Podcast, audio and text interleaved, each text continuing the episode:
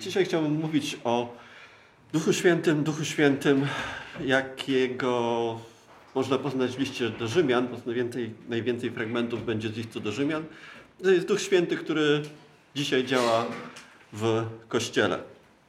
I możemy otworzyć na liście do Rzymian na ósmym rozdziale. Ósmy rozdział i pierwsze dwa wersety i od tego zaczniemy. Dlatego teraz żadnego potępienia nie ma dla tych, którzy są w Jezusie Chrystusie. Tych, którzy nie postępują według ciała, ale według ducha.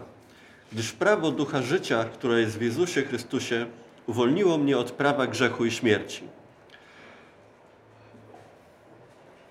Większość z nas wie pewnie, o czym Paweł mówi, o jakim potępieniu, o jakim grzechu, ale w liście do Rzymian w piątym rozdziale możemy przeczytać, o co chodzi, o co chodzi ze zbawieniem, o co chodzi z grzeszną naturą ludzką i skąd się wziął grzech na świecie.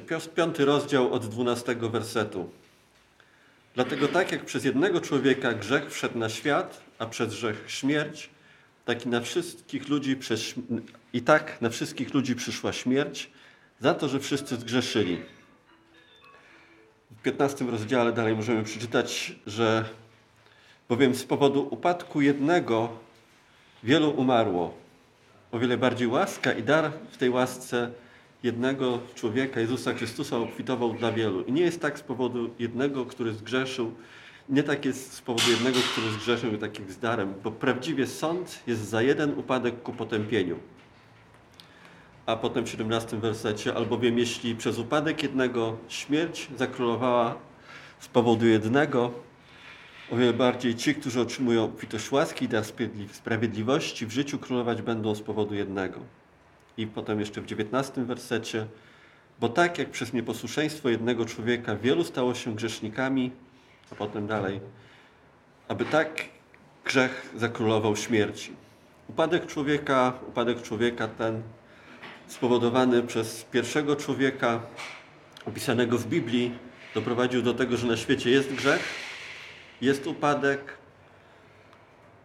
grzech, który oddziela człowieka od Boga, grzech, który powoduje, że niszczy, grzech, który niszczy i człowieka, i niszczy relacje między ludźmi, i z powodu tego grzechu przyszła śmierć i oddzielenie od Boga, i też jest zapowiedziany sąd. I ten grzech jest też opisany w liście do Rzymian w pierwszym rozdziale, wersety 28. Ci, którzy grzeszą, czynią to, co nieprzyzwoite, będąc pełni niesprawiedliwości, nierządu, niegodziwości, chciwości, złości, pełni zazdrości, morderstwa, kłótni, podstępu, złośliwości, plotkarzy, oszczercy, nienawidzący Boga, zuchwali, hardzi, chełpliwi, wyznawcy złych rzeczy, rodzicom nieposłuszni, Nierozumni, niedotrzymujący umów, bez natury, bez naturalnych rodzinnych uczuć, nieprzejednani i niemiłosierni, ci, którzy dokładnie poznali wyroki Boga, że ci, którzy tak czynią, godni są śmierci, nie tylko to czynią, ale się z tymi zgadzają, co to czynią. To jest podsumowanie albo definicja i grzechu i współczesnego świata też. Na pierwszym miejscu jestem ja, to co mi należy się, inni mają dla mnie pracować, ja mam spędzać miło życie, wszyscy mają mi służyć, ja, ja, ja, ja. To się bierze też z tego, który odpadł jako pierwszy od Boga, albo który stwierdził, że cała chwała się należy dla mnie. No i to samo, tą samą grzeszną naturę przejęli ludzie i ten grzech skutecznie oddziela ludzi od Boga. I ten gniew też przynosi gniew Boży, gniew, przepraszam, grzech przynosi też gniew Boży. Jak możemy w liście do Rzymian przeczytać, gniew Boży objawia się przeciwko wszelkiej bezbożności i nieprawości ludzi, którzy zatrzymują prawdę niesprawiedliwości. I ten grzech doprowadza do wiecznego oddzielenia od Boga. W księdze Daniela możemy przeczytać 12:2. A wielu z tych, którzy śpią w prochu, obudzi się, jedni do życia wiecznego, a drudzy, drudzy ku hańbie i wiecznej pogardzie. Grzech jest czymś złym, grzech prowadzi do wiecznego oddzielenia od Boga, do sądu, za którym nie ma już żadnej, którym już nie będzie żadnej łaski. I świat, w którym żyjemy, jest przepełniony złymi rzeczami i grzechem.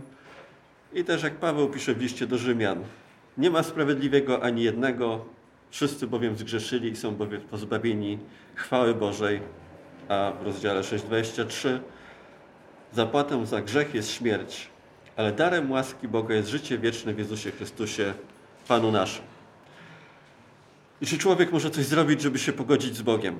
Bo to zawsze jest to pragnienie, jeżeli już dojdzie do sumienie człowieka, zostanie poruszone, albo coś zaczyna czuć, to może mieć taki pomysł, może ja coś jestem w stanie zrobić dobrego. Jakoś zamazać tą winę. Ale Słowo Boże mówi, że nie ma takiego, takiej możliwości. W księdze Izajasza 64,6 możemy przeczytać. My wszyscy jesteśmy jednak nieczyści, a wszystkie nasze sprawiedliwości są jak szata splugawiona. Wszyscy odpadliśmy jak liść, a nasze nieprawości uniosły nas jak wiatr. Grzech oddziela od Boga na zawsze.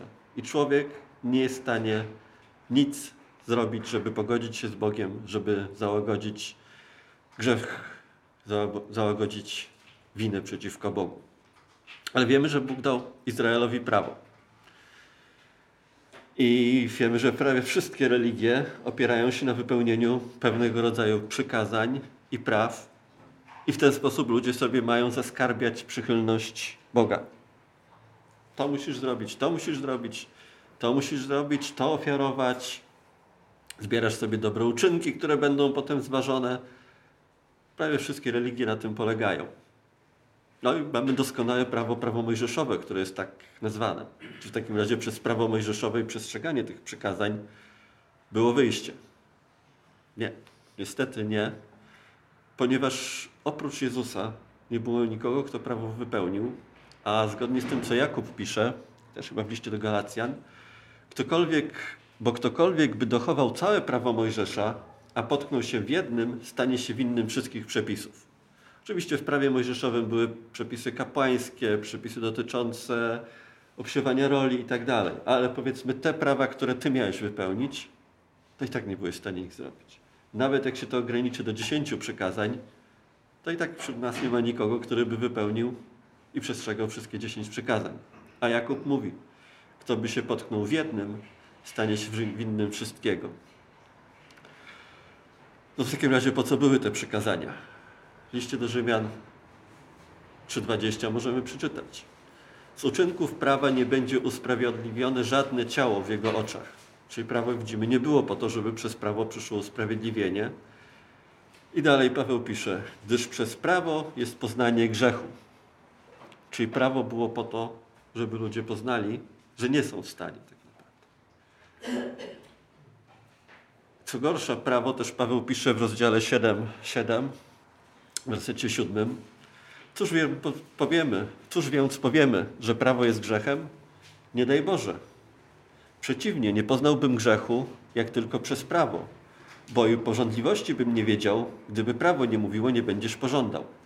Lecz grzech, gdy zyskał okazję przez przykazanie, wzbudził we mnie wszelką porządliwość. Bez prawa bowiem grzech jest martwy.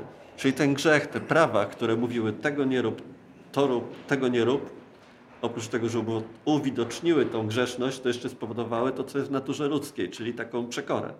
A nie wolno, to ja to zrobię. A Bóg nie widzi, a to kusi, kusi. Tak, więc prawo jeszcze Paweł mówił, że do tego doprowadziło. No ale Żydzi próbowali przestrzegać tego prawa. To było prawo nadane przez Boga też to jest dobre prawo. Dawid mówi, że to jest prawo doskonałe. Rozmyśla o tym.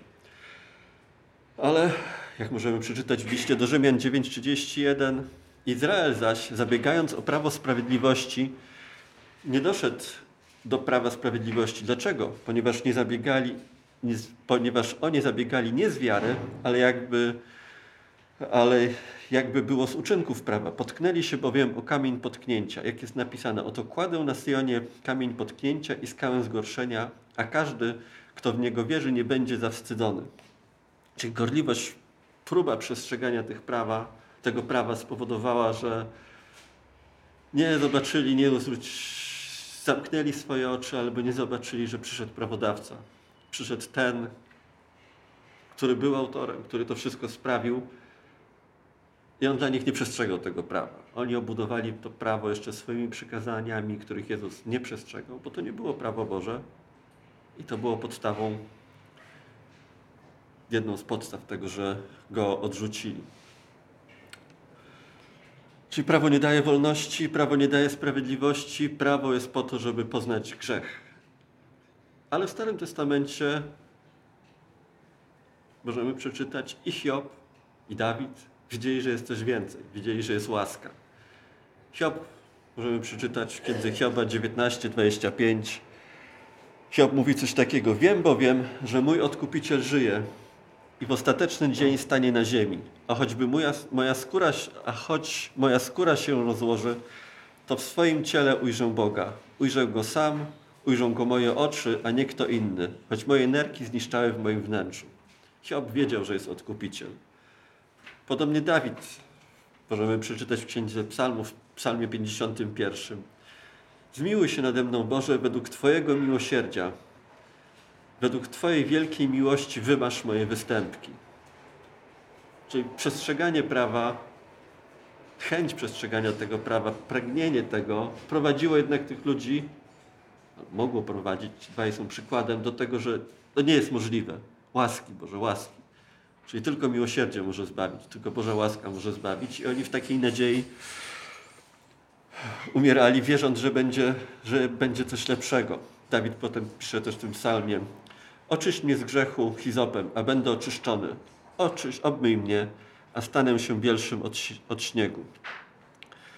Bo Ty nie rozkoszujesz się ofiarą, choćbym chciał złożyć ofiarę całą palną, nie przyjmiesz jej. Ofiarą miłą dla Boga jest duch skruszony, sercem skruszonym i zgnębionym nie wzgardzisz o Boże. A w psalmie 119 możemy przeczytać Moja dusza tęskni do Twojego zbawienia, pokładam nadzieję w Twoim słowie. A w psalmie 13 Lecz ja zaufałem Twojemu miłosierdziu, moje serce razraduje się Twoim zbawieniem. Czyli prawo nie prowadziło do zbawienia i przestrzeganie przekazań nie prowadzi do zbawienia, ale prowadzi do tego, że człowiek zdaje sobie sprawę, jak bardzo jest grzeszny i może oczekiwać tylko miłosierdzia Bożego. I wracamy do listu do Rzymian. W rozdziale szóstym Paweł pisze coś takiego. Zapłatą bowiem za grzech jest śmierć, a darem łaski Boga jest życie wieczne w Jezusie Chrystusie naszym. Czyli tylko wiara w Jezusa, tylko wiara, jak możemy przeczytać też w liście do Rzymian, usprawiedliwieni, usprawiedliwieniu z łaski. Czyli wszyscy zgrzeszyli i są pozbawieni chwały Bożej, a zostają usprawiedliwieni darmo z Jego łaski przez odkupienie, które jest w Jezusie Chrystusie. Jego to bowiem Bóg ustanowił przebłaganiem za wiarę w Jego krew, aby okazać swoją sprawiedliwość przez odpuszczenie swojej cierpliwości przedtem popełnionych grzechów. Czyli jest jedna droga do pojednania z Bogiem, droga łaski, droga wiary przez Miłosierdzie Boże przez zbawienie, przez wiarę w ofiarę Jezusa Chrystusa za nasze grzechy. To, co Jan powiedział, to, co powiedział Jan, co Jezus powiedział w zasadzie. Ja jestem drogą, drogą, prawdą i życiem. Nikt nie przychodzi do Ojca jak tylko przeze mnie. Jezus dokonał jedynej ofiary, skutecznej ofiary. I taka jest nasza nadzieja. I nie ma innej drogi, pomimo tego, co ludzie próbują wymyślić właśnie, stosując te systemy zakazów, nakazów i wierząc, że to im gdzieś da pojednanie z Bogiem. Wracamy do potępienia. Wiemy, że nie ma potępienia za grzech, dlatego nie ma żadnego potępienia dla tych, którzy są w Jezusie Chrystusie, którzy nie postępują według ciała, ale według ducha. Gdyż prawo ducha życia, które jest w Jezusie Chrystusie, uwolniło mnie od prawa grzechu i śmierci. Jesteśmy wolni tak, nie musimy przestrzegać prawa, ale czy to oznacza, że możemy grzeszyć? Jak nie ma prawa, to czy jest przyzwolenie na grzech? Paweł w liście do Rzymian bardzo ładnie to opisuje w kilku miejscach. W wersetach, w rozdziale szóstym możemy przeczytać Nie oddajcie waszych członków jako oręża niesprawiedliwości grzechowi, ale oddajcie siebie samych Bogu jako ożywieni z martwych i wasze członki jako oręż sprawiedliwości. Grzech bowiem nie będzie nad wami panował, bo nie jesteście pod prawem, lecz pod łaską. Cóż więc, będziemy grzeszyć, bo nie jesteśmy pod prawem, ale nie pod łaską? Nie daj Boże. I tu dochodzimy do problemu z naszą naturą. Grzeszną naturą, bo przyszliśmy do Boga jako grzesznicy. Taką naturę odziedziczyliśmy. I Bóg wiedział, jacy jesteśmy, wiedział, jakie mieliśmy skłonności, mamy skłonności, dalej się od nas odzywa. To ja, to samolubstwo, te złe rzeczy. Ale to nie znaczy, że tacy mamy być do końca. To nie znaczy, że nie możemy się zmienić. W liście do Rzymian Paweł pisze do zboru. Do zboru i do ludzi, którzy tam byli w tym zborze. Czyli tacy, którzy e, jeszcze się nie nawrócili, przychodzili posłuchać, może szukali prawdy, ale do, powiedzmy do wszystkich w tym zborze pisze takie słowa. Rzymian 13:13. 13.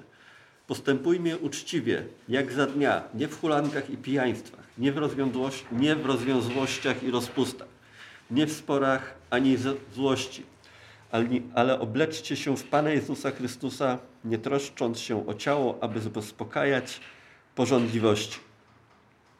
On pisze to do zboru, tak?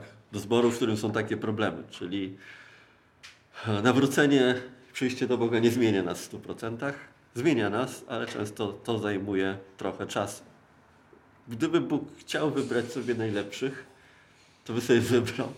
W liście do Koryntian możemy przeczytać, ale Bóg wybrał to, co głupie u świata, aby zawstydzić mądrych. Wybrał to, co słabe u świata, aby zawstydzić mocnych. I to, co szlachetne, i to, co nieszlachetne u świata i wzgardzone wybrał Bóg, a nawet to, co nie jest, aby to, co jest, obrócić w niwecz, aby nie chlubiło się przed nim żadne ciało. I Bóg wybrał nas takich grzesznych, słabych. Przyszło do nas słowo, przyszliśmy do Boga. No i Bóg nas nie wybrał po to, żeby kiedy się z Nim spotkamy, wytknąć na palcem, o ty głupi, ty, jak ty sobie z tym życiem poradziłeś, nieudaczniku jeden. Nie, nie, nie, nie. Bóg jak coś robi, to wie po co, wie jaki jest cel, jaki jest sens tego wszystkiego. Pomimo, że celem jest, żebyśmy byli święci, bezgrzeszni, a wiadomo z jakiego miejsca startujemy, a Piotr mówi, lecz ten, który was powołał jest święty i wy bądźcie święci we wszelkim waszym postępowaniu. Napisane jest bowiem świętymi bądźcie, a jestem święty. No to mamy sprzeczność pewnie, tak? Jest nasza grzeszna natura, nasze ciało, które chce czego innego, czego Bóg chce, ale Bóg wiedział, co będzie. Bóg wiedział, jak do nas dotrzeć, jak sprawić, żeby to w jakiś sposób działało, żeby było coraz lepiej, a nie coraz gorzej. Było przymierze, które Bóg zabrał, zawarł z Izraelem, które doprowadziło do tego, że Izrael ukrzyżował Jezusa, nie przyjął zbawcy. Przekazań nie przestrzegali. Cały Stary Testament to jest zmaganie się Izraela z Bogiem albo Boga z Izraelem. I Bóg przez Jeremiasza mówił słowa, Jeremiasz 31, 33, ale takie będzie przymierze, które zawrę z domem Izraela po tych dniach, mówi Pan, włożę moje prawo w ich wnętrzu i wpiszę je na ich sercach. Czy jest coś nowego, osobistego. A w księdze Ezechiela możemy przeczytać i dam wam nowe serce i włożę nowego ducha w wasze wnętrze. Wyjmę serce kamienne z waszego ciała, a dam wam serce mięsiste. Włożę mego ducha do waszego wnętrza i sprawię, że będziecie chodzić według moich ustaw i będziecie przestrzegać moich sądów i wykonywać je.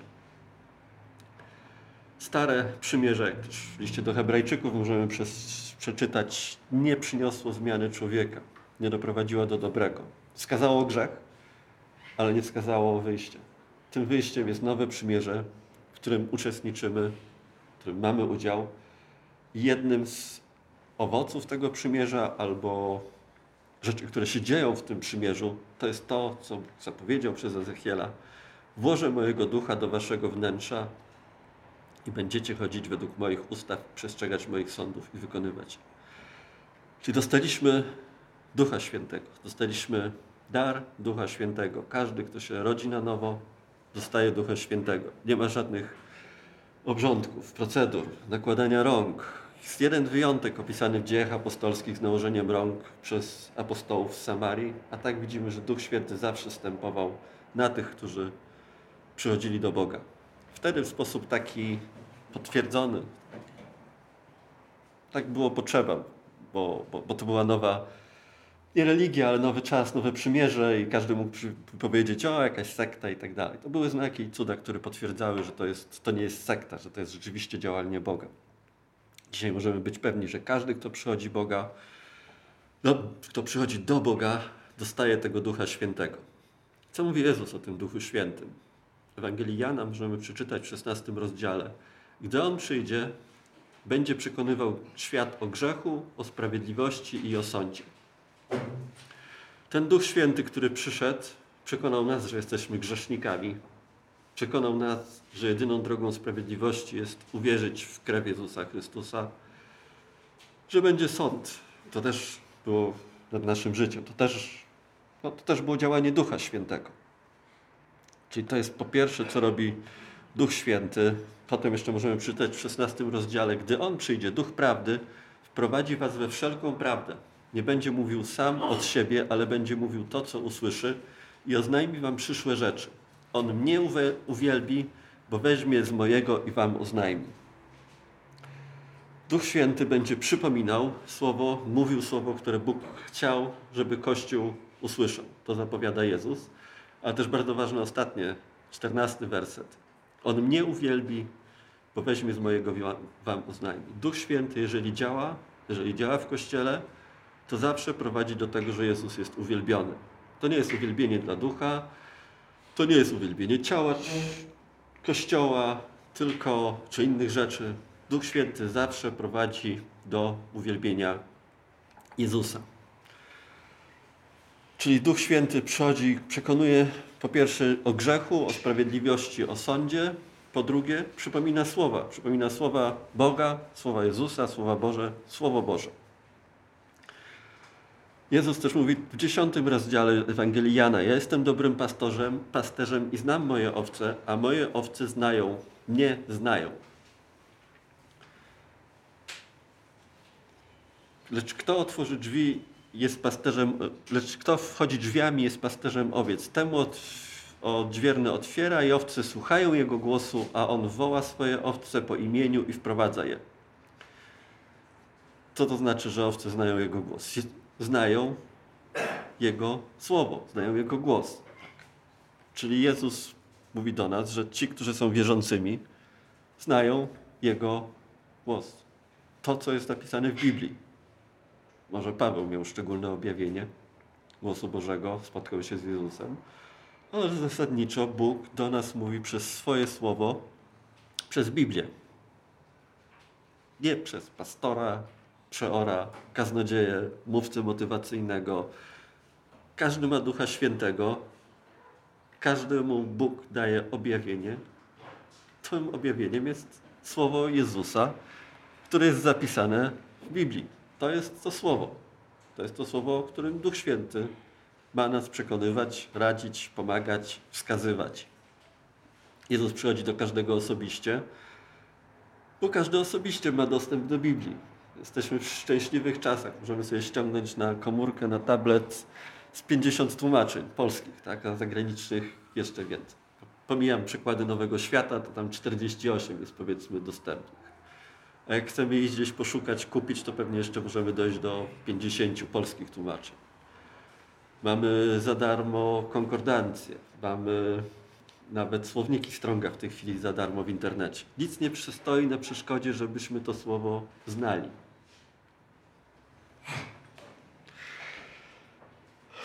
Tak jak Paweł pisze w liście do Rzymian. Wszyscy bowiem ci, którzy są prowadzeni przez Ducha Bożego, są synami Bożymi gdyż nie otrzymaliśmy ducha niewoli, aby się znowu bać, ale otrzymaliśmy ducha usynowienia, przez którego wołamy Abba Ojcze. Ten duch poświadcza naszemu duchowi, że jesteśmy dziećmi Bożymi. Dzieci Boże to są dzieci, które znają Ojca, znają Boga. Jak mamy poznać tego Boga, jak nie przez Słowo Boże? Jezus jeszcze, tak, gdybyśmy myśleli, że to, to słowa były dla Żydów, tak, bo to przymierze, Ezekiel mówił dla Żydów o tym przymierzu, ale sam Jezus powiedział, ja mam także owce, które nie są z tej owczarni. Również te muszę przyprowadzić i będą słuchać mego głosu. I będzie jedna owczarnia i jeden pasterz. To jest to słowo, tak jak pokazuję na tablet, ale część ma papierowe Biblię. To jest to słowo, które mówi Jezus do nas i mówi, moje owce znają mój głos. Tak? Nie mamy jakichś wizji ponadnaturalnych, duchowych uniesień. Mamy słowo. To jest to słowo, które jest głosem Boga. Czyli to jest działanie Ducha Świętego, przypominanie tego słowa. W liście do Rzymian, w ósmym rozdziale, jak żeby nie inaczej, od wersetów 26, możemy, od wersetu 26 możemy przeczytać takie słowa. Podobnie i Duch dopomaga naszej słabości. Nie wiemy bowiem, o co powinniśmy się modlić, jak trzeba, ale sam Duch stawia się za nami w niewysłowionych westchnieniach. A ten, który bada serca, wie, jaki jest zamysł Ducha, ponieważ według Boga, według woli Boga wstawia się za, za świętymi. A wiemy, że wszystko współdziała dla dobra tych, którzy miłują Boga to jest tych, którzy są powołani według postanowienia Boga. Tych bowiem, których przedtem znał, tych też przeznaczył, aby stali się podobnymi do obrazu Jego Syna, żeby On był pierworodny między wieloma braćmi. Czyli mamy drogę, taką drogę, że startujemy z miejsca, gdzie jesteśmy oddzieleni od Boga, z grzeszną naturą. Bóg pojednał nas przez krew Jezusa, Bóg dał Ducha Świętego, dał swoje słowo. Teraz Duch Święty korzystając z tego słowa, będąc w nas, prowadzi nas i celem, podstawowym celem działania Ducha Świętego, tak jak w tych wersetach można przeczytać, jest to, abyśmy się stali podobni do obrazu Jego Syna. Tak jak Piotr mówił, świętymi bądźcie, bo jestem święty, to mówił o słowach Boga. Czyli Bóg, Bóg, Duch Święty, pomaga naszym słabościom, stawia się za nami, za nami i współdziała z nami, żebyśmy byli podobni do obrazu Jego Syna. No i to czasami idzie szybciej, czasami wolniej. U mnie to idzie 30 lat i to jest średnio jeszcze, jeżeli chodzi o czas, w którym Duch Święty działa. E, niektórzy się zmieniają bardzo szybko i widać od razu te owoce, inni wolniej. Ale Bóg wiedział, jakich nas wybrał. Tak doskonale Paweł tu pisze w listach do Rzymian, do Koryntian, tych grzesznych, tych słabych i dał tego Ducha Świętego i dał to jest w to słowo, aby Duch Święty nas prowadził przez to słowo, pokazywał nam drogę, pokazywał nam wyjście. To słowo jest zamknięte, zapieczętowane, to słowo objawione przez apostołów, przez proroków w Nowym Testamencie. Na tym słowie jesteśmy zbudowani, i na tym słowie mamy pracować. W jaki sposób Duch Święty działa w takim razie, używając tego słowa? Piotr mówi coś takiego. Jak nowonarodzone niemowlęta, pragnijcie czystego mleka Słowa Bożego, abyście dzięki niemu rośli. 1 Piotra 2,2. To nie jest zgodne z naturą człowieka, naszą grzeszną naturą, żeby nie grzeszyć, żeby czytać Biblię. No nie, to, to wymaga wysiłku z naszej strony modlitwy, czytania, ale, ale dzięki temu rośniemy. Dzięki temu e, mniej grzeszymy. Jesteśmy bardziej podobni do Jezusa. Teraz przejdźmy do psalmów, ponieważ Dawid bardzo ładnie nam mówi, w jaki sposób to słowo pomagało jemu. I też wiemy, jak nam może pomagać. Psalm 119. Twoje słowo jest pochodnią dla moich nóg i światłością na mojej ścieżce znając Słowo, Duch Święty ma możliwość, żeby coś z tego Słowa nam przypomnieć i powiedzieć, nie rób tego, zrób to, uważaj. Psalm 17,4 Co się tyczy spraw ludzkich, dzięki słowom Twoich ust wystrzegam się dróg okrutnika. Wracamy do psalmu 119. W jaki sposób młodzieniec e, w jaki sposób czyści młodzieniec swoją drogę, gdy zachowuje się według Twojego słowa. Czyli Słowo Boże w chwilach, kiedy mamy wątpliwości, może nam wskazać, jak mamy postępować. Duch Święty w zasadzie, który jest w nas, który współdziała we wszystkim ku dobremu, może nam pokazać, jak mamy postąpić. Ale więcej. Psalm 119, 11. Dawid mówi, w swoim sercu zachowuję Twoje słowo, aby nie zgrzeszyć przeciwko Tobie. Czyli rozmyślanie nad Bożym Słowem, medytacja, chociaż to nie jest ładne słowo, ale rozmyślanie powiedzmy bardziej współczesne nad Bożym Słowem wspomaga nas, chroni nas przed grzechem. Hiob to samo w zasadzie mówi. 30 w księdze Hioba możemy przeczytać. Nie odstępują od tego, co powiedziały jego usta i od przekazanego mi prawa. Jego słowa ust jego przechowuję starannie. Czyli myślenie, myślenie o słowie, rozważanie słowa, napełnianie się słowem, to jest to, co Bóg mówi, że przez Dawida, że chroni nas od grzechu. A nieprzestrzeganie może doprowadzić. W księdze Ezechiela możemy przeczytać: Padniecie od miecza, osądzę was na granicy Izraela i dowiecie się, że ja jestem Panem. Miasto nie będzie dla was kotłem, ani wy nie będziecie w nim mięsem. Na granicy Izraela osądzę was i dowiecie się, że ja jestem Panem, ponieważ nie postępowaliście według moich ustaw, nie wykonywaliście moich sądów, ani, ale czyniliście według sądów tych pogan, którzy są dookoła was. Czyli Izrael miał słowo i to było takie na zasadzie Masz wykonywać przykazania, jak nie będziesz przykazania wykonywał, będzie przekleństwo, i jak będziesz wykonywał przykazania, będzie błogosławieństwo. Niesłuchanie Słowa Boża, Bożego doprowadziło do rozpadu Izraela, do wygnania Izraela. My jesteśmy w tym świecie, który jest pełen też złych rzeczy, pokus, grzechów. No i jesteśmy na to naturalnie wystawieni. To nie tylko nasza natura, ale też otoczenie wpływa na to, jak postępujemy. Izrael upadał też dlatego, że przyjmował te wszystkie obrzędowe rzeczy, religijne, zwodnicze rzeczy z tych narodów, które były wokoło. Te czczenie bóstw różnych, gaje, oddawanie dzieci w ofiarą Bogom. Jak Bóg mówi, nawet przez myśl mi to nie przyszło, żebyście takie rzeczy robili.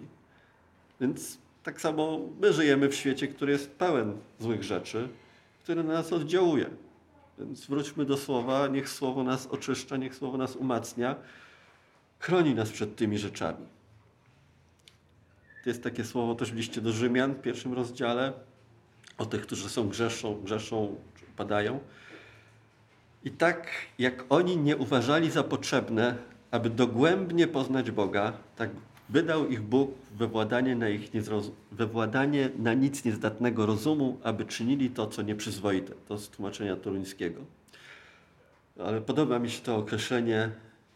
Nie uważali za potrzebne, aby dogłębnie poznać Boga.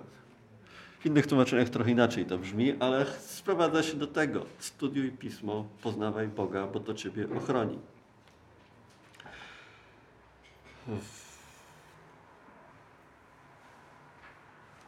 Słowo Boże to też nie tylko jest prowadzenie, nie tylko chroni przed grzechem, ale też daje pocieszenie. Psalmista mówi, to jest moja pociecha w utrapieniu. Twoje słowo mnie ożywia. A Paweł pisze w liście do Rzymian, wszystko bowiem, co przedtem napisano, ku naszej nauce napisano, abyśmy przez cierpliwość i pociechę z pism mieli nadzieję. A Bóg cierpliwości i pociechy niech sprawi, abyśmy byli jednomyślni między sobą na wzór Jezusa Chrystusa, abyśmy jednomyślnie, jednymi ustami wysławiali Boga Ojca naszego, Pana Jezusa Chrystusa. Czyli słowo prowadzi, słowo chroni, słowo pociesza. I słowo też chroni przed zwiedzeniami. Żyjemy w takich czasach, że możemy wszystko przeczytać w internetach, Kiedyś nie było dostępu do takich rzeczy. No, z rzadka były sekty, znaczy były, zawsze były, ale nie miały tak wpływu tak szerokiego jak teraz. I wszelkie zwodnicze rzeczy, wszelkie zwodnicze słowa. I Słowo nas przed tym zabezpiecza. Czytanie Słowa Bożego przed tym nas zabezpiecza. W liście do Efezjan możemy przeczytać coś takiego. Pierwszy, czwarty rozdział to jest czternasty werset. Abyśmy nie byli już dziećmi miotanymi i unoszonymi każdym powiewem nauki przez oszustwo ludzkie i przez podstęp prowadzący na manowce. I Paweł w liście do Tymoteusza przestrzega właśnie przed też tymi czasami. Przyjdzie bowiem czas, gdy zdrowej nauki nie zniosą, ale zgromadzą sobie nauczycieli według swoich porządliwości, ponieważ ich uszy świerzbią i odwrócą uszy od prawdy, aby zwrócić się ku baśniom. I dalej Paweł mówi w tym liście, całe pismo jest natchnione przez Boga i pożyteczne do nauki, do strofowania, do poprawiania, do wychowania w sprawiedliwości, aby człowiek był doskonały do wszelkiego dobrego dzieła w pełni przygotowany. Czyli słowo nas też, chroni przed zgubnymi rzeczami, przed grzechem, przed zgubnymi rzeczami. Całe pismo. Nie ma żadnej przeszkody, żebyśmy nie czytali Biblii systematycznie, codziennie, wiedząc, jakie to ma znaczenie. Duch Święty ma bardzo ograniczone pole do działania w naszym życiu, jeżeli nie dajemy mu Biblii, nie dajemy mu amunicji, wersetów. Tak. No, coś może przypomnieć, ale mało może przypomnieć. Jezus powiedział, przyjdzie i przypomni wszystko. Jeżeli z naszej strony nie zrobimy tego kroku, no to coś będzie mógł przypomnieć, ale pewnie inne świat, rzeczy, które przychodzą do nas, zagłuszą. Więc Duch Święty przyszedł, działa i tak jak mówił apostoł Jan, mówiąc, cytując słowa Jezusa, gdy On przyjdzie, On, Duch Prawdy, wprowadzi nas we wszelką prawdę. Nie będzie mówił sam od siebie, ale będzie mówił to, co usłyszy i oznajmi nam przyszłe rzeczy. Wszystko, co ma Ojciec, jest moje, dlatego powiedziałem, że weźmie z mojego i Wam oznajmi. To Słowo Boże, Duch Święty w nas, nam będzie przypominał, oznajmiał, prowadził nas. Przez to Słowo poznajemy Boga. Wieczności nam nie starczy, żeby poznać Boga, ale przynajmniej w takim ograniczonym stopniu, jak możemy tutaj, będąc na ziemi, możemy Go poznać. I ostatnio mówiłem w drugim Piotrze, y, w drugim liście Piotra, werset z rozdziału pierwszego i tym też dzisiaj zakończę. Łaska i pokój niech się Wam pomnożą przez poznanie Boga i Jezusa Pana naszego. Jako, że Jego boska moc obdarowała nas wszystkim, co jest potrzebne do życia i pobożności, przez poznanie tego, który nas powołał do chwały i cnoty. To poznanie jest przez Słowo i przez Ducha, który działa w nas. Dajmy Bogu szansę, żeby nas zmieniał. Czytajmy Słowo Boże. Amen. Amen.